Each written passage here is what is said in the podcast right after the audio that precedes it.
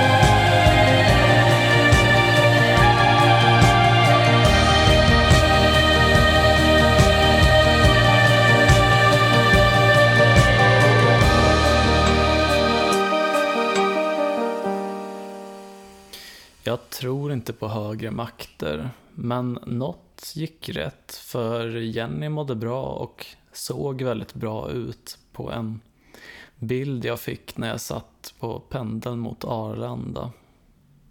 Min lätta handbagagepackning var färdig.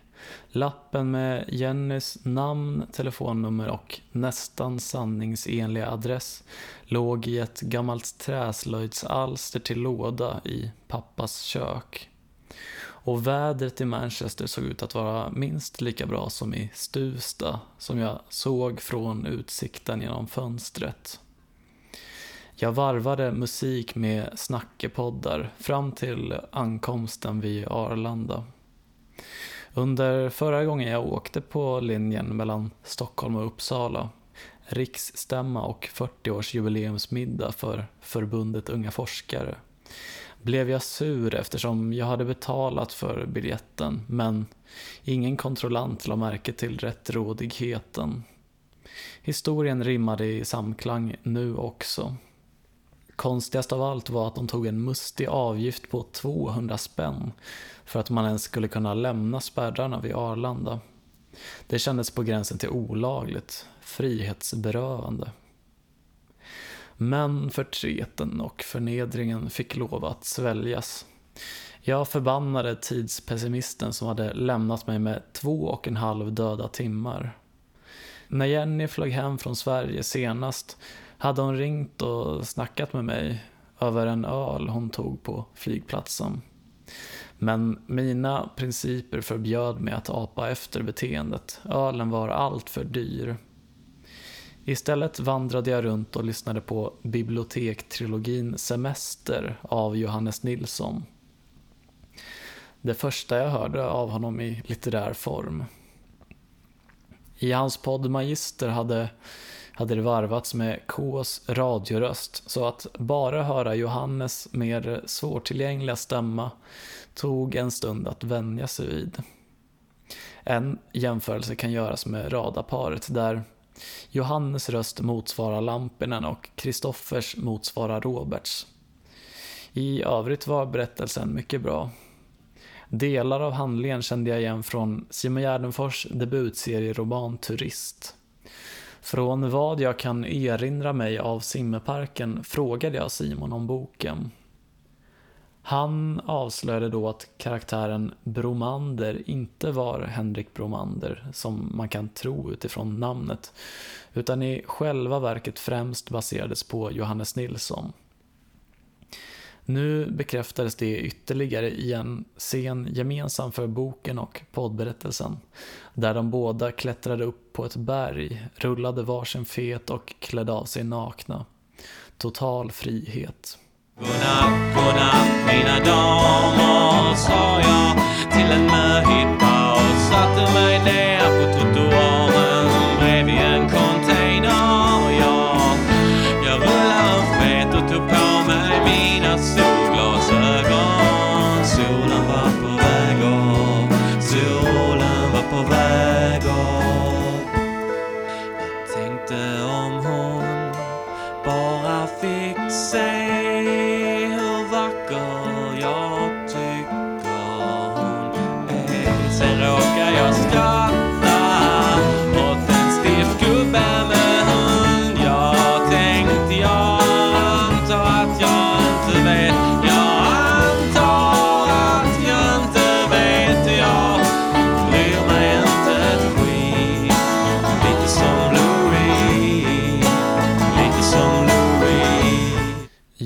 Jag skådade en städare från Samhall i takt med att J gav muslimerna rätt om hur orent fläskkött är. Samtidigt som slussarna in till flyget öppnades. Köbildning. Jag tog det lugna och väntade in alla ivrigt hugade spekulanter. Delvis för att jag nojade mig över biljetten och identifikationen. Men mitt tre år gamla pass funkade fint, trots en nyligt tillkommen halvt ansad skäggväxt. Snacka om lyx. Wifi på ett flygplan. Det var inte ens första klass. Det märkte jag av bristen på loftorgie. Jag försökte kolla på en riktigt kass animerad Netflix-serie om pubertal sexualitet. Bytte till The Disaster Artist. Jag hade boken, hade läst en tredjedel.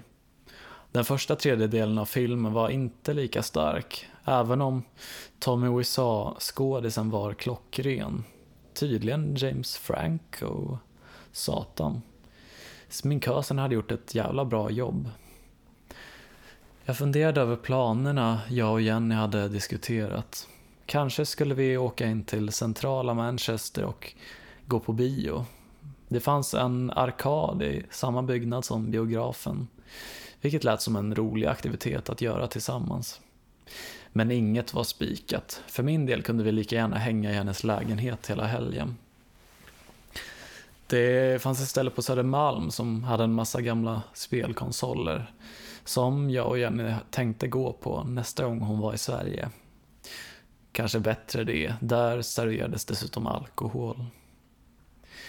Det var skönt att jag inte hade bagage och därför slapp stå och vänta vid rullbanden. Smset till Jenny om min ankomst kom inte fram. Fan, hon hade ju sagt att det skulle funka. Svexit 2022, helt klart. Om de inte ens kan fixa det här. I lurarna berättade Anton Magnusson om när han som liten påg intervjuade Povel Ramel bakom en videokamera. Och jag unnar mig att stå still på den plana rulltrappan. Jenny hade skickat instruktioner för hur jag skulle ta mig till Didsbury, förorten hon höll hus i. Jag hade skärmdumpat meddelandena. Ändå behövde jag ansluta till det offentliga trådlösa nätverket för att ställa ytterligare frågor. Där jag stod vid biljettautomaten och funderade kom en snubbe och frågade om hjälp. Jag kände igen honom från flyget. Talar du svenska? Det gjorde han. Tillsammans klurade vi ut hur automaten funkade. En blind ledde en annan hela vägen ner till spårvagnen, där vi satte oss mitt emot. Vi drog varsin kortfattad historik om våra liv. Han kom från Sörmland, led av ADHD och depression och hade ett par år tidigare haft en grej med en cirka dubbelt så gammal kvinna. Han var 21. Kusligt likt mig. En rolig vändning hade varit att jag mötte mig själv från två år framåt i tiden. Men han var från Katrineholm och var bisexuell. Jag kanske hade bett Philip Jeffries hjälpa mig tillbaka i tiden för att retconna min historik. Vi la till varandra på Facebook i alla fall och skildes åt vid en knytpunkt. Jag hade planerat att kåta upp mig inför mötet med Jenny. Läsa en sexnovell med incestuöst tema precis innan för att uppnå maximal upphetsning och hårdhet i stånd. Men jag hade ingen uppkoppling och det enda bultande organet jag fokuserade på var mitt hjärta. Det var fredag kväll, solen hade gått ner och på Burton Roads station omfamnade jag Jenny lika kärleksfullt som någonsin tidigare. Med en slak kuk i byxan.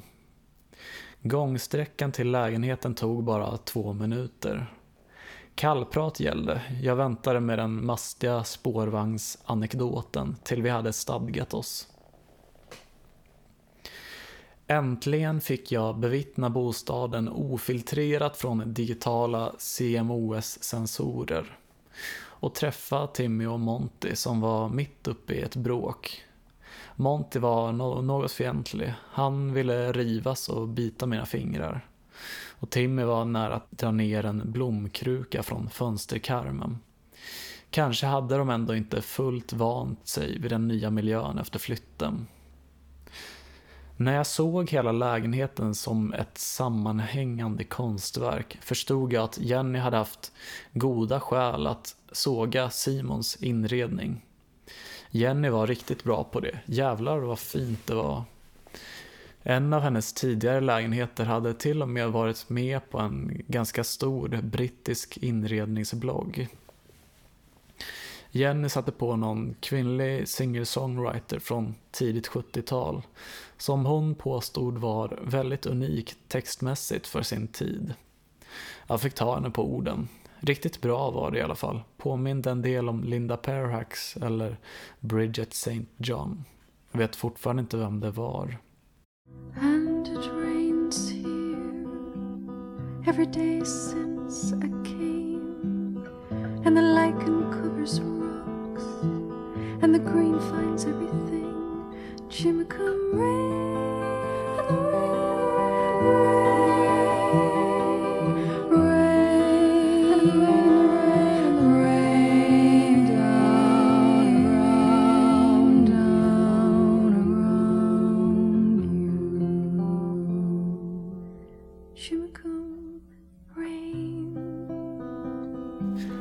Resten av kvällen lades på ett litet, anspråkslöst mål mat och Scrabble. Fan, alfabet, det var länge sedan. Som liten brukade jag förlora mot min mamma. Oddsen var ju emot mig på grund av ordförråd och mental förmåga. Här var hjärnkapaciteten helt klart jämnare. Men mina chanser var hopplösa ändå eftersom vi spelade på engelska. Jenny vann såklart stort och fick därför välja musik i bluetooth-högtalaren. Hon spelade upp Beach House-skivan Bloom från 2012. Det kändes romantiskt. Jag minns att jag tänkte att om jag hade vunnit skulle jag ha satt på Cocteau Twins, som Beach House verkade vara influerad av. Ur min mun kom istället en fråga om hon gillade Weezer. Ja, jo, de är väl bra. Nu när Jenny fritt fick hänge sig åt sin musiksmak uppmuntrade jag henne att spela lite Depeche Mode, hennes kanske absoluta favoritband. Vad jag visste hade jag bara hört deras låt Photographic. Inte nu, svarade hon. De är lite mörkare och passar inte den här stämningen. Okej, det var du som vann, du bestämmer, sa jag flörtigt. Jag fick ett tröstpris i form av en hångelsession. Efter att jag hade klippt och svalt en halv melatonintablett kröp vi oss ner i Jennys dubbelsäng, som dittills hade stått halvtom om nätterna.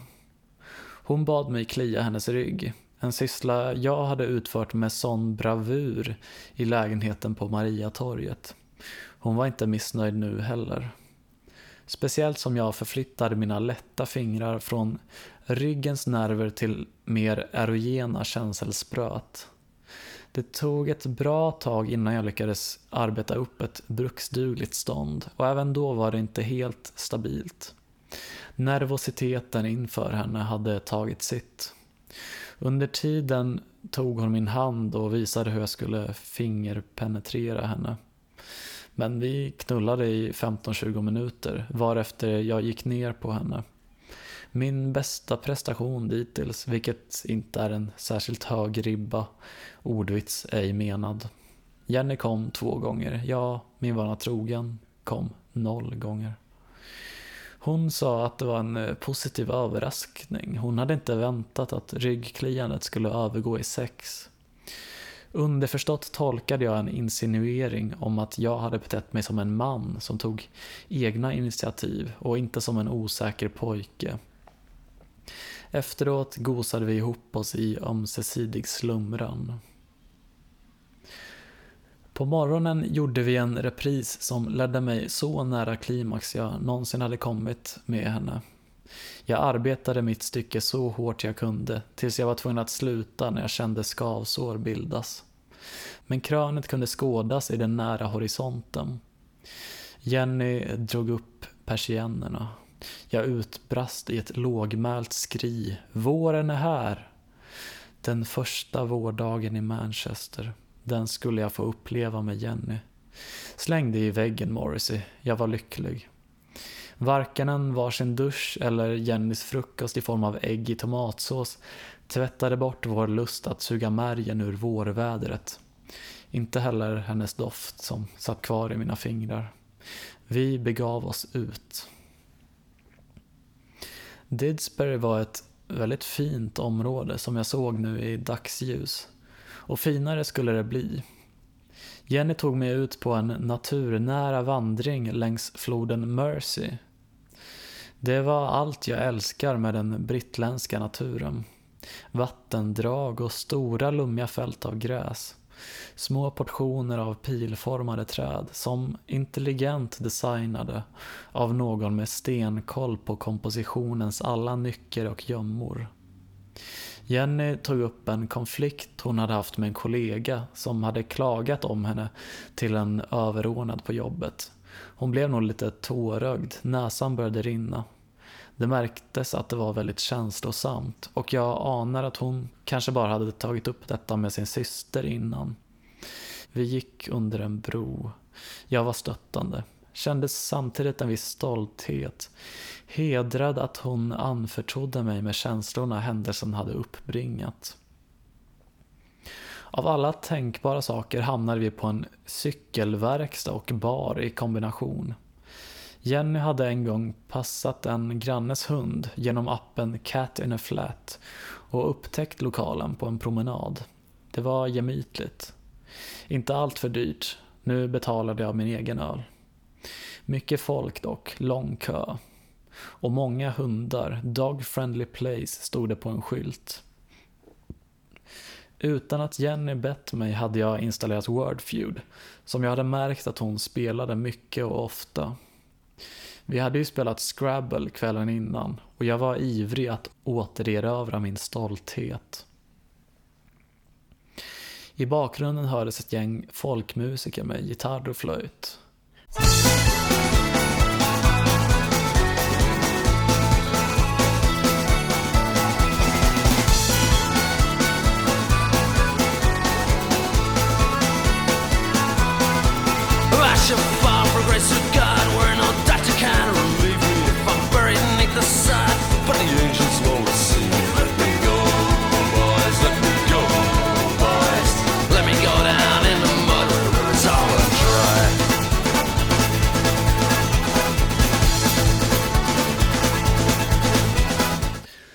Den ålderdomliga ambiansen ställdes emot våra moderna störningsmoment.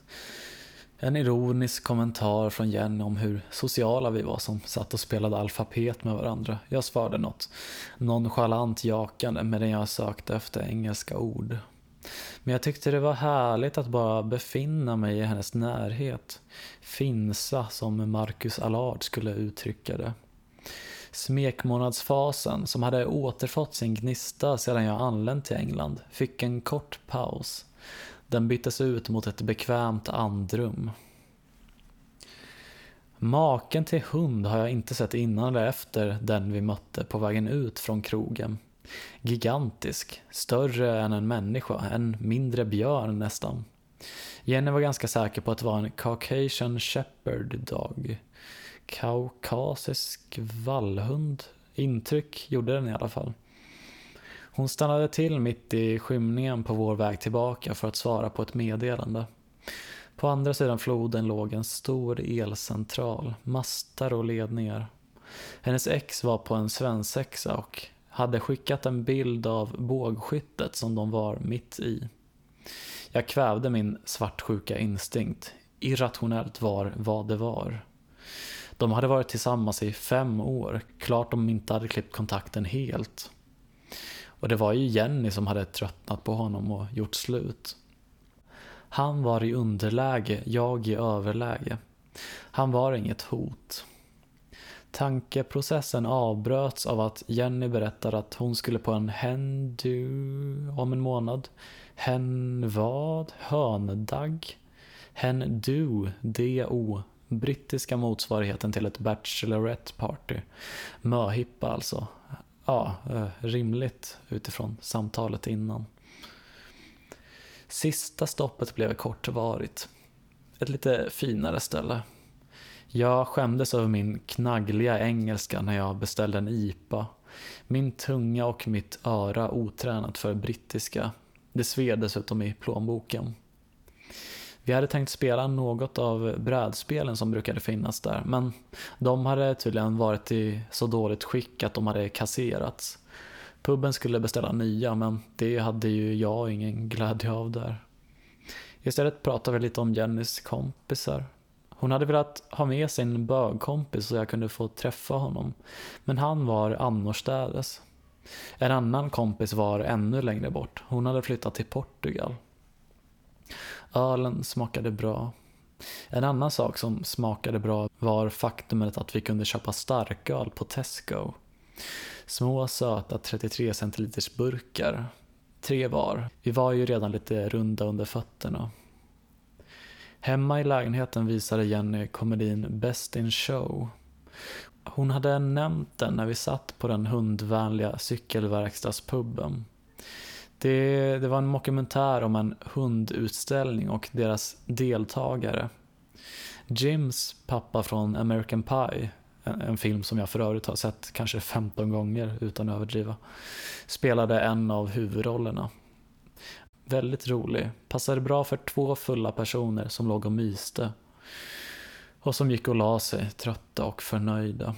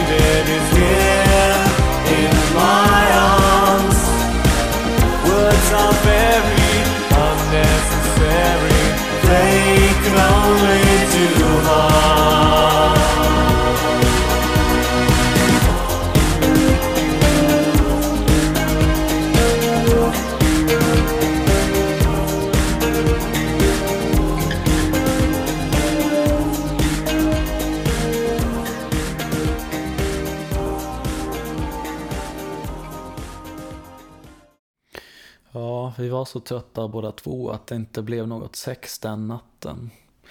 Många nya intryck för mig och en jävla massa promenerande för oss båda.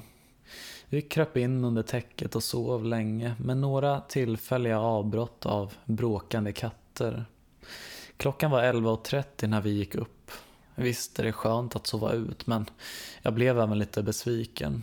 Jag ville ju utnyttja varje minut jag hade med Jenny, men men.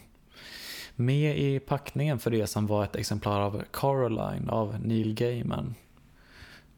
Inte för att läsa, även om det är en bra bok, utan som utrymme att transportera 150 mikrogram ETH-ladd i. 75 till oss var. Så fort vi vaknade intog vi drogen. Sen fick vi vänta 30 minuter innan vi drack vatten. De små mängderna klor som tillsätts kranvatten förstör nämligen kemikalien, vilket jag besviket hade erfarit tidigare. Under tiden, även efter vatten var tillåtet och fram till effekten började märkas av, spelade vi New Super Mario Bros. Bros till Wii. Här hände en rätt jobbig sak. Jag blev så frustrerad av att jag om och om igen förlorade och märkte hur irriterad Jenny blev att jag började gråta. Jag hade ju gråtit inför henne förut och då hade hon visat medkänsla eftersom det gällde känsliga saker. Här framstod jag bara som ett litet barn som blev ledsen av att förlora i ett spel. Som hennes systersöner. Det hade hon noll tålamod för. Till mitt försvar tror jag dock att min gråt gömde något djupare. En känsla av att jag inte nådde upp till Jennys förväntningar. Att jag var en besvikelse. Besvikelse. Den saken har präglat mig själv och mitt liv och andra i relation till mig. Må hända var jag bara ett litet barn. En lillgammal jävel som i efterhand har lappat ihop en överbyggnad för att berättiga mig själv. Om så var fallet, om jag var ett gråtande barn, gjorde jag på ett sätt Jenny besviken ändå. Så oavsett hur man ser på det går den ideologiska berättelsen jämnt ut. Någonting, någonting, du kan inte blanda materiell analys och psykologi. Någonting, någonting, grund vulgomarxism. Till er vill jag bara säga podcast printer go brrrr. Men jag hämtade mig i sinom tid och syran började verka. Min förhoppning om erotisk stämning hade ju krossats av min gråtfadäs. Det fick istället bli nästa punkt på min mentala dagordning. En promenad tillsammans i den engelska naturen. Mina skor tvingades på, dragkedja på sidan. Jenny snörade sina Converse. De var så jävla inne när jag gick på mellanstadiet. En gång provade jag ett par, fasansfullt obekväma, kanske bara fel storlek. Hon tog mig till en park i närheten. Miljön var oerhört vacker. Jenny var oerhört vacker. Jag kollade in hennes ansikte bredvid mig på en parkbänk. Runt omkring oss stod föräldrar och barn sprang hit och dit i barnslig lek. Jag var 19, hon var 39, om de bara visste. Allt fick ett särskilt skimmer, alla träd och växter. Den organiska naturen visade en glimt av sitt sanna jag. Sen tog vi en tur genom Jennys favoritkvarter. Didsbury hade föreningar som var väldigt eh, måna om att bevara den egna lokalt specifika arkitekturen. Som naturreservat för bostadshus. Hon ville visa allt hon tyckte om med området och det var trevligt. I syfte att föra tillbaka intimiteten försökte jag gå närmre henne så att vi kunde hålla hand. Istället stötte jag till henne. Vad håller du på med? Frågade hon skrattande. Det var för pinsamt att erkänna att jag ville hålla hand så jag bad bara om ursäkt. Och jag älskade dina naglar. Jag vet inte om mina behagar. Och Pelle säger att jag inte bara pratar nonsens kan vi vänta lite till så ska jag nog få stånd sen. Men det var för pinsamt att berätta hur glad jag blev. Att du ville ta mig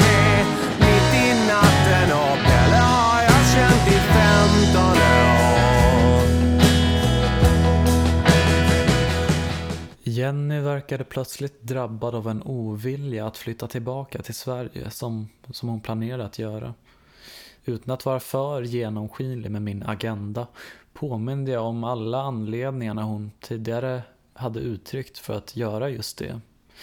Jag ville ju att hon skulle flytta så att vi kunde vara närmre rent geografiskt. När vi kom tillbaka blev det åter filmtime. Supersugen på Netflix lyckades inte ladda in ordentligt så vi gick över till DVD-samlingen. Har jag sett True Romance? Nej, det låter tråkigt som en romcom typ. Men mitt intresse väcktes när Jenny sa att Tarantino hade skrivit manus. Sammanfattning, so cool och spännande. Speciellt scenen mellan Dennis Hopper och Christopher Walken. You're Sicilian, huh? Sicilian. You know, I read a lot, especially about things, uh, about history. I find that shit fascinating. Here's a fact I don't know whether you know or not. Well, Sicilians were spawned by niggers. Innan nästa film drog vi ner till ett lokalt Fäska-skeppshak och beställde takeaway. De hade en affisch för Glastonbury. Jag fick höra Jennys berättelse om när hon hade varit på festivalen i mitten av 00-talet och hade haft analsex i ett tält efter att hon och hennes pojkvän tagit kokain. Tur att ingen annan där kunde svenska. Jag blev rätt irriterad när vi sen såg The Wicker Man. Jenny satt med sin mobil och kollade knappt. Respektlöst. Jag hade också sett filmen förut men nu skulle vi se den tillsammans, okej? Okay. Mitt intresse falnade också som konsekvens. Efter att jag passivt aggressivt suttit och demonstrativt kollat på allt annat i lägenheten förutom tvn tog hon fram en flaska vitt som satt fint när jag var färdig med mina fish and chips. Hon visade en massa bilder från hennes förflutna och olika resmål. Från Glastonbury där hon ju hade varit med sin dåvarande kille Tom som hade lämnat henne. Hon hade trott att de skulle vara tillsammans resten av sina liv och blev därför självmordsbenägen för första och enda gången. Vi drack mer vin.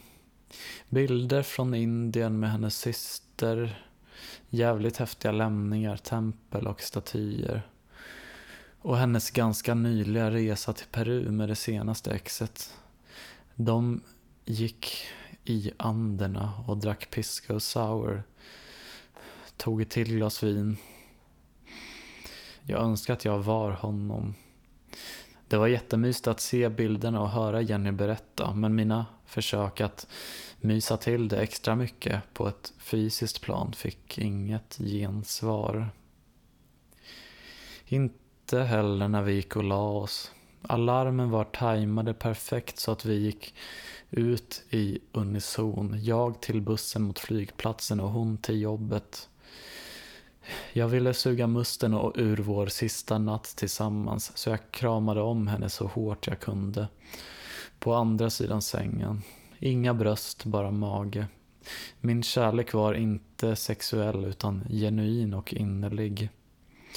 Desperationens sista bastion för affektion lämnades öde.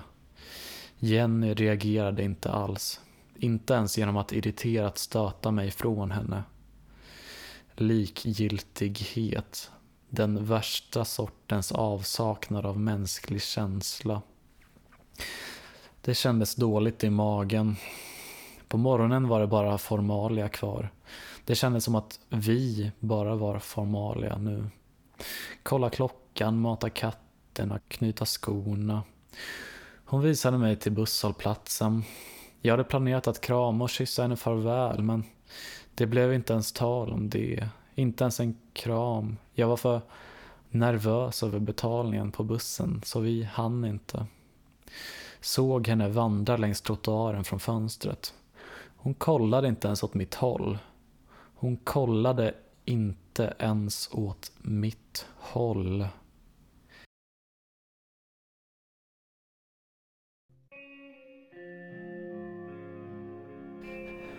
Som jag minns det skickade jag ett meddelande. Ännu en desperationens handling. Hon var online, men hon svarade inte. Min livslust gick i botten. Resten av bussfärden tillbringades på Reddit där jag lusläste saker folk vars eh, significant other hade begått självmord skrev. Brydde de sig tydligen väldigt mycket. Men det kändes inte som det. Det kändes inte som att det skulle röra Jenny i ryggen. Some escape, some door to open. This path seems the blackest, but I guess it's the soonest. But there in the clearing, I know you'll be wearing your young aching smile, waving your hand. Can't go with my heart when I can't feel what's in it. I thought you'd come over, for some reason you didn't. Glass on the pavement under my shoe. Without you is all my life amounts to. Jag var inte i stånd att lyssna på någon podd, lika lite som jag hade varit i stund att väcka minsta jävla känsla hos henne. Jag ville göra vin av vårt vatten, men det var omöjligt. Jag ville torka vår disk. Isola, Kents tredje album, fyllde mina trumhinnor. Vi hade legat på varsin landmassa, lyssnat på plattan och tänkt på varandra. Nu tänkte jag på Jenny, men hon tänkte inte på mig kändes det som. Det var smärtsamt och framför allt ensamt. Jag tyckte mig skönja killen från spårvagnen när jag satt och väntade på Sverigeflyget. Men jag hade ingen lust att kallprata. Min travel bag Reese's Pieces, som hade ätit upp mina sista inväxlade mynt, fyllde magen, inte själen. God's Gangster special, som veckans avsnitt av Specialisterna podcast hette, var ren skit. Alienering, avsky. Varför hatade jag det så mycket? Jag gillade ju gänget i vanliga fall. Men på Manchesters jävla flygplats den där morgonen gillade jag nog ingen, allra minst mig själv. På sin höjd Jenny, fast hon satt på en piedestal. Jag ville att hon skulle komma ner till mig. Men hon satt fast så den tanken dog. För att somna på flyget, det var ju mitt på dagen, tog jag två Lergigan som jag hade fått mot ångest. Samuel, du försatte dig i ett delirium med dessa. Hamnade på sluten vårdavdelning 36. Sen försvann du. Du visste vad som gällde. Skönt för dig. Emily, my pain over you remain still as bad as ever. Lend a hand to sever. So when I come near, see you disappearing on your way out, cheering, happy on your own.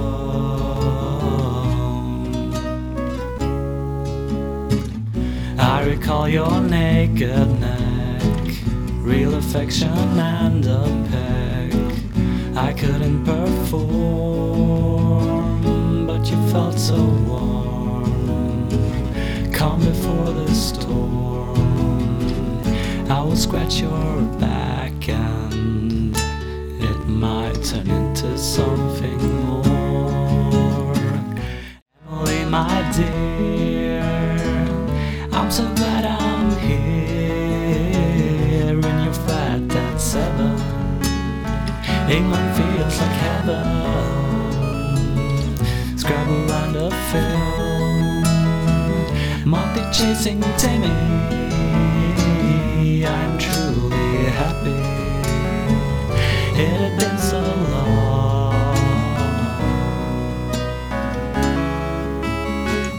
I was tired, you were too.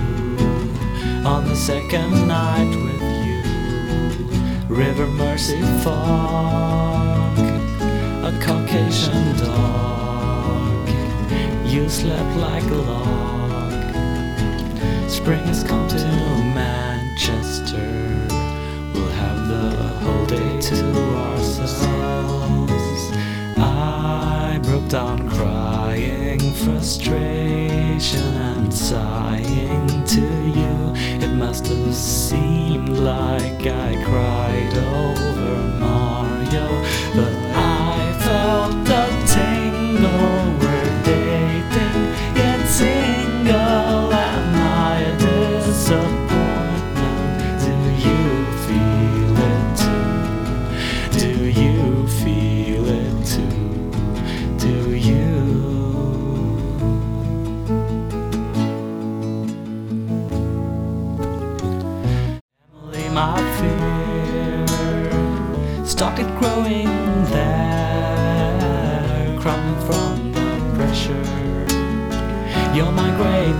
When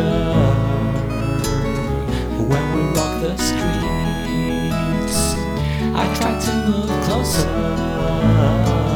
but I bumped into you, and you left it off. Final evening, final dance, wicker man and true